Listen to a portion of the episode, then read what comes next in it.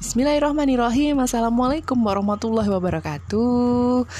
Halo Bu Ibu apa kabar? Senangnya yang habis liburan hari Minggu. Ke mana? Ke mall. Oh Playground. Hmm, Nyempetin ke pantai.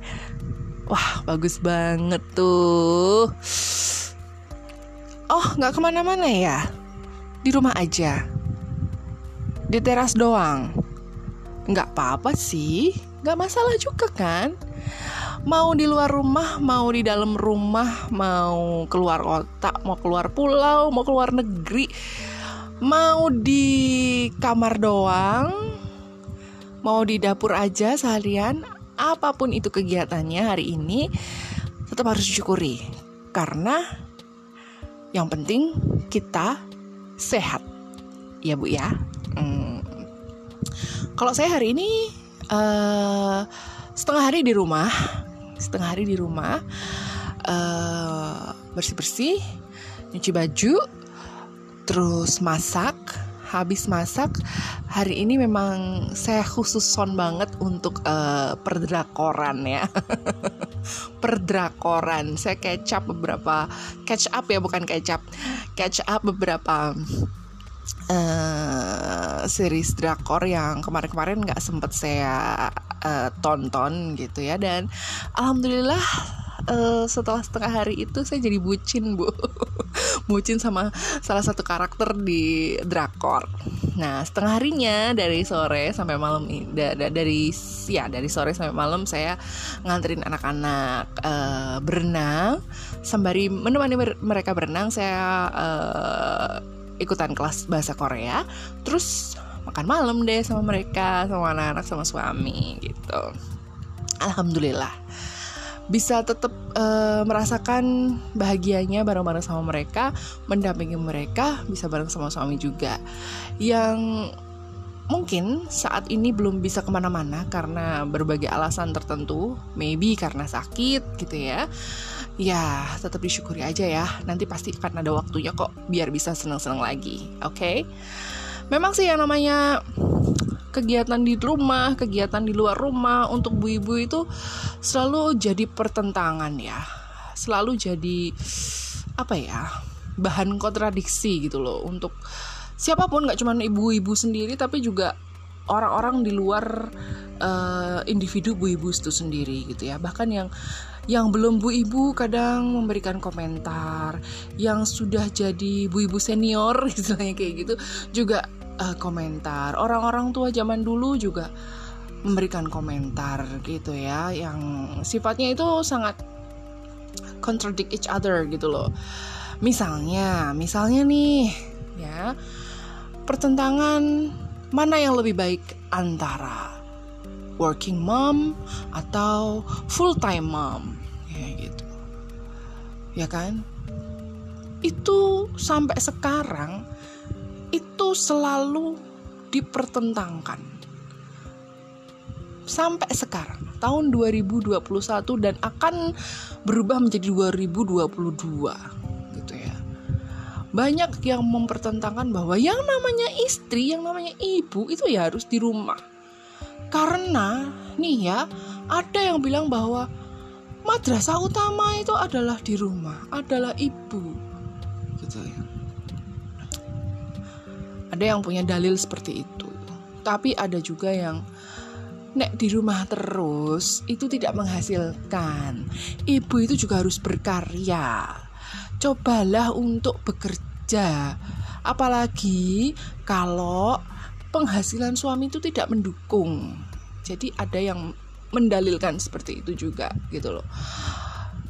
Pertentangan ini tuh eh, nggak uh, pernah habis gitu ya antara working mom dan full time mom. Sebenarnya yang mempertentangkan bukan individu-individu yang uh, berpredikat seperti itu tadi, tapi justru orang-orang lain gitu orang-orang yang uh, di luar working mom dan full time mom gitu ya bahkan orang yang belum pernah menikah pun mereka punya uh, ya pandangan sendiri lah punya point of view sendiri gitu. Mungkin karena ya masih seneng seneng senengnya kerja untuk nabung sebanyak banyaknya bisa spend money untuk diri sendiri mungkin dia bisa uh, apa ya memberikan komentar yang istilahnya support sekali working mom gitu atau mungkin juga dia sudah tidak bekerja tapi ya merasa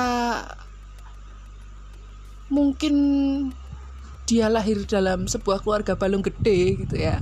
Jadi yang ngerasa ya ya nek wong wedok ini ngomah gitu loh. Ya suami yang harus kerja cari uang.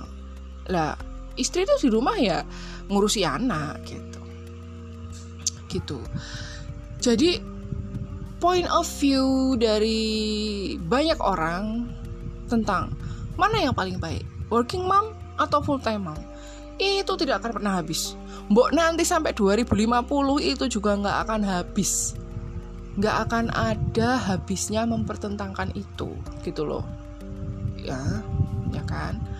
Jadi sebaiknya tidak usah ngomongin itu. Kalau saya pribadi saya pribadi kalau saya diberi kesempatan untuk kerja misalnya seperti working mom pada umumnya saya akan coba gitu kan. Saya akan coba saya akan coba rasakan gimana sih caranya para working mom itu membagi waktu untuk perusahaan dan juga untuk keluarga. Gitu. Saya akan coba gitu kan. Karena selama ini setelah saya punya anak itu kan saya sama sekali nggak kerja maksudnya kerja yang kantoran yang ada jamnya gitu loh yang 9 to 5 kayak gitu. Saya kerjanya kan serabutan istilahnya. Dulu kan coba freelance gitu ya. Jadi yang jadi guru privat bahasa Inggris pernah. Jualan online juga pernah. Makeup artist juga pernah. Terus ngemsi ngemsi jadi istilahnya cuma yo kalau ada job ya ayo kayak gitu loh. Bukan yang oke okay, kamu terikat waktu jam segini sampai jam segini setiap hari datang absen apa uh, ngisi presensi gitu ya. Hari minggu libur. Kalau belum jam 4 nggak boleh pulang. Nah nanti ada kalau misalnya mau lembur ya nanti ada uang lemburnya sih gitu gitu loh. Saya, saya, sebenarnya juga pengen gitu nyobain gimana sih gimana sih mereka mereka itu bisa mengatur waktunya antara pekerjaan antara rumah kemudian untuk diri sendiri gitu kan self healing misalnya kayak gitu. Pengen gitu pengen nyobain. Bener jujur. Apalagi kalau working mom udah working mom di rumah nggak ada nggak pakai pembantu nggak pakai RT itu kayaknya uh jos banget ya gitu kan Nah, sekarang apakah yang working mom juga ingin mencoba seperti saya? Seperti saya yang full time mom gitu ya, yang every day, every night, almost 24/7 itu di rumah ngurusin bocah, ngurusin rumah. Monggo lu, saya persilahkan gitu kan. Saya persilahkan. Bukan saya nakut-nakutin enggak, saya coba saya ingin apa ya? Ya maksudnya let's let's uh, bertukar peran deh misalnya seperti itu nggak masalah saya kan. Banyak yang bilang banyak yang bilang bahwa gue belum belum pernah sih ngerasain naik kerja terus anu ninggal ke anak gitu. Berjam-jam dari seharian ninggalin anak anakmu itu dalam keadaan baik-baik saja apa enggak? Itu ada yang uh, berkomentar seperti itu kepada saya gitu ya. Ya saya sendiri saya juga bisa sih kalau misalnya di dikomentarin seperti itu. Saya juga bisa sih bilang lah mbok coba gantian karo aku. Kue se nggak seharian wes di rumah eh nggak usah nggak usah mikirin pekerjaan kantormu. Di rumah aja. Is kamu ngelakuin apa aja yang kamu suka sama anakmu plus beres-beres rumah ngerasa no gitu. Ya bukan saya nantangin bukan saya kemudian uh, menjunjung tinggi bahwa oh ibu rumah tangga itu lebih baik. Enggak. Gitu loh. Bukan saya kemudian mencicip mencibir menyinyir lambe turah kayak gitu. Enggak sih. Cuma yo ya udah memang semua itu kan karena pilihan ya kan? Anda memilih tetap bekerja karena alasan tertentu. Alasan yang pertama misalnya karena kebutuhan ekonomi. Kemudian yang kedua karena Anda memang sayang kalau untuk kemudian meninggalkan pekerjaan yang sudah uh, mendarah daging istilahnya kayak gitu ya. Terus juga dulu dapatnya susah banget kayak gitu. Apalagi sekarang dapat jabatan tertentu gitu kan. Yang ketiga mungkin karena alasan uh, ya aku nggak bisa kalau suruh di rumah terus gitu ada kan orang yang kayak gitu yang neng omah wae iso gitu loh harus keluar harus harus yang lakuin yang lain lah kayak gitu ya itu karena berbagai alasan. Saya pun kalau ditanya ya itu juga sebuah pilihan gitu. Aku yakin uh, ibu-ibu yang memutuskan untuk menjadi full time mom itu pun juga adalah sebuah option gitu kan. Adalah sebuah opsi yang dipilih uh, karena dia juga punya alasan tertentu gitu kan. Alasan pertama benar-benar ingin uh, apa men mengasuh mendidik membesarkan anaknya itu sendiri gitu loh dengan dengan tangannya sendiri dengan perlakuannya sendiri gitu dengan uh, metodenya dia sendiri gitu loh supaya dia tahu uh, milestone anaknya gitu dari tahun ke tahun dari waktu ke waktu kayak gitu. Yang kedua bahwa dia merasa bahwa dia mampu gitu uh, untuk melakukan berbagai peran sebagai ibu dan istri di rumah. Dia mampu dia mampu gitu. Kemudian yang ketiga mungkin alasannya adalah sudahlah. Toh juga sudah sudah pernah merasakan karir bertahun-tahun gitu kan. Jadi kenapa sekarang waktunya untuk di, didedikasikan untuk keluarga? Yaitu semua itu adalah pilihan ya kan? Sama halnya dengan pilihan mau sufor atau mau asi gitu itu juga dipertentangkan dari zaman dulu sampai sekarang kayak gitu ya kan? Mau sufor atau mau asi nek asine ora metu apa yo ora arep dikei apa ora arep dimimiki kuwi bayine ya kan? Kalau emang udah benar-benar kering gitu dan susah untuk relaktasi kan mau nggak mau juga akan beralih ke sufor kan? Iya kan? Gitu nggak mungkin dong. Anaknya dibiarin aja terus ujuk-ujuk dikasih pisang gitu. Padahal dia baru umur semingguan baru umur tiga minggu istilahnya kayak gitu. Kita kan nggak pernah tahu kan kondisi uh, bu ibu itu sebenarnya masing-masing individu gitu. Nggak bisa sama ratakan gitu kan. Dokter pun juga sudah uh, istilahnya kalau memang ini ada indikasi medis yang memang tidak bisa akhirnya menggunakan ASI ya nggak apa-apa pakai sufor. Toh sufor itu juga nggak jelek kok ya kan? Sufor. Adanya sufor itu untuk apa sih? Ya memang untuk itu gitu loh. Tujuannya untuk itu. Kan memang ada tuh di luar sana yang benar-benar mengagungkan ASI terus kalau misalnya ketemu sama ibu-ibu yang uh, anaknya pakai sufor terus dijelek-jelekin yang apa wih itu bukan anaknya manusia itu. Nah kayak, langsung kayak gitu. Nanti anaknya anu bedah badannya. Anaknya nanti nggak pintar gini gini gini gini gini. Anaknya nanti nggak deket sama ibunya. Ada yang seperti itu gitu loh. Ada yang seperti itu. Tapi kan ya nggak usah sampai kayak gitu gitu loh. Toh juga dia pasti pakai support tuh ada alasannya seperti yang aku bilang tadi ada indikasi medis yang akhirnya mau nggak mau harus pakai sufor gitu. Yang kedua karena memang sudah bukan waktunya untuk ASI eksklusif istilahnya kayak gitu ya. Dia pengen banget ASI eksklusif tapi mungkin karena dia kantoran cuti cuti melahirkan udah habis sementara kalau di pumping udah gak bisa keluar banyak ya mau nggak mau harus pakai sufor gitu loh tapi hal ini akan terus ada pertentangannya. Kontradiksinya itu masih akan ada. Gitu kan. Teknologi juga makin maju dan aku yakin sufor-sufor itu juga pasti bakalan banyak sekali pilihannya brandnya keunggulannya masing-masing itu ada gitu loh. Ya kan? Tapi ibu yang akan uh, kekeh untuk asi eksklusif yang masih uh, menomorsatukan ASI itu juga pasti akan lebih banyak karena pengetahuannya akan bertambah seiring dengan waktu ya.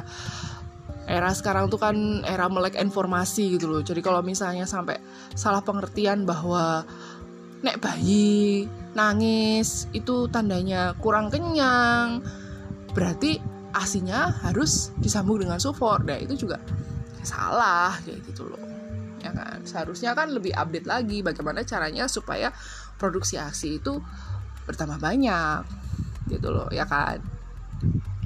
Gitu. Sama halnya dengan pertentangan kontradiksi antara ibu-ibu yang melahirkan secara pervaginam ya atau normal orang-orang bilangnya dengan ibu-ibu yang memilih untuk uh, seksio cesaria atau SC atau operasi sesar gitu. Hal ini akan dipertentangkan sampai kapan pun, gitu ya. Kalau nggak melahirkan lewat uh, pervaginam gitu ya, atau nggak ngelahirin normal, yuk namanya nggak ngelahir ke gitu. Ada yang ngomong kayak gitu. Eh, itu tuh namanya bukan ngelahirin itu. Itu belum jadi ibu itu kalau rahimnya nggak sampai sobek itu yo. Belum diobras tuh namanya belum jadi ibu. Loh lah padahal udah ngeluarin anak lo ya. Adanya anak tuh kan otomatis kita jadi ibu toh. Kok bisa komentar kayak gitu gitu. Itu. Ada orang-orang yang masih berpandangan seperti itu.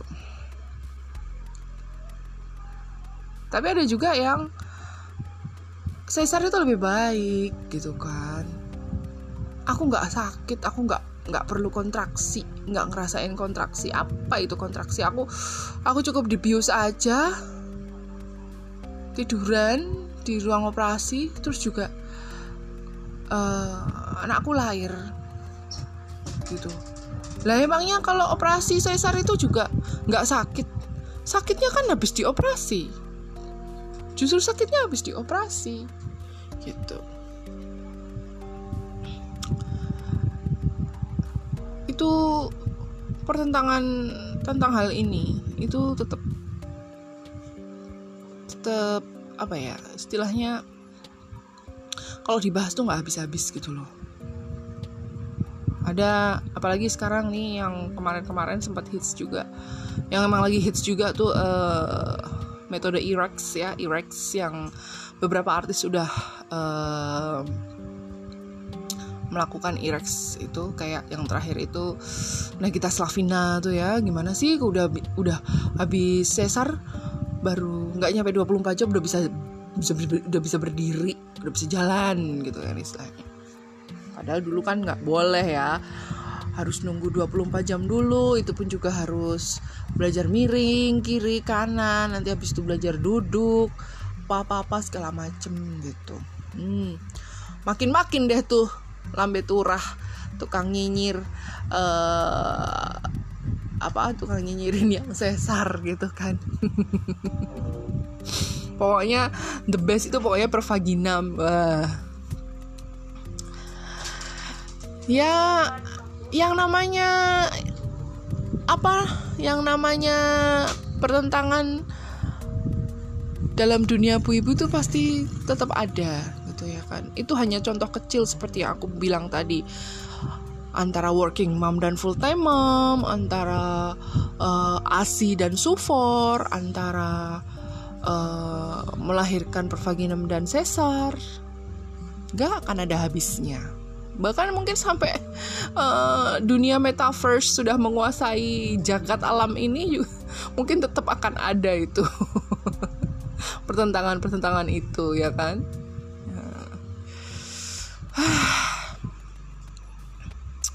emang jadi perempuan itu ya begini nih gitu kan. Selalu apa ya istilahnya kayak uh, di compare satu sama lain kayak gitu ya bahwa uh,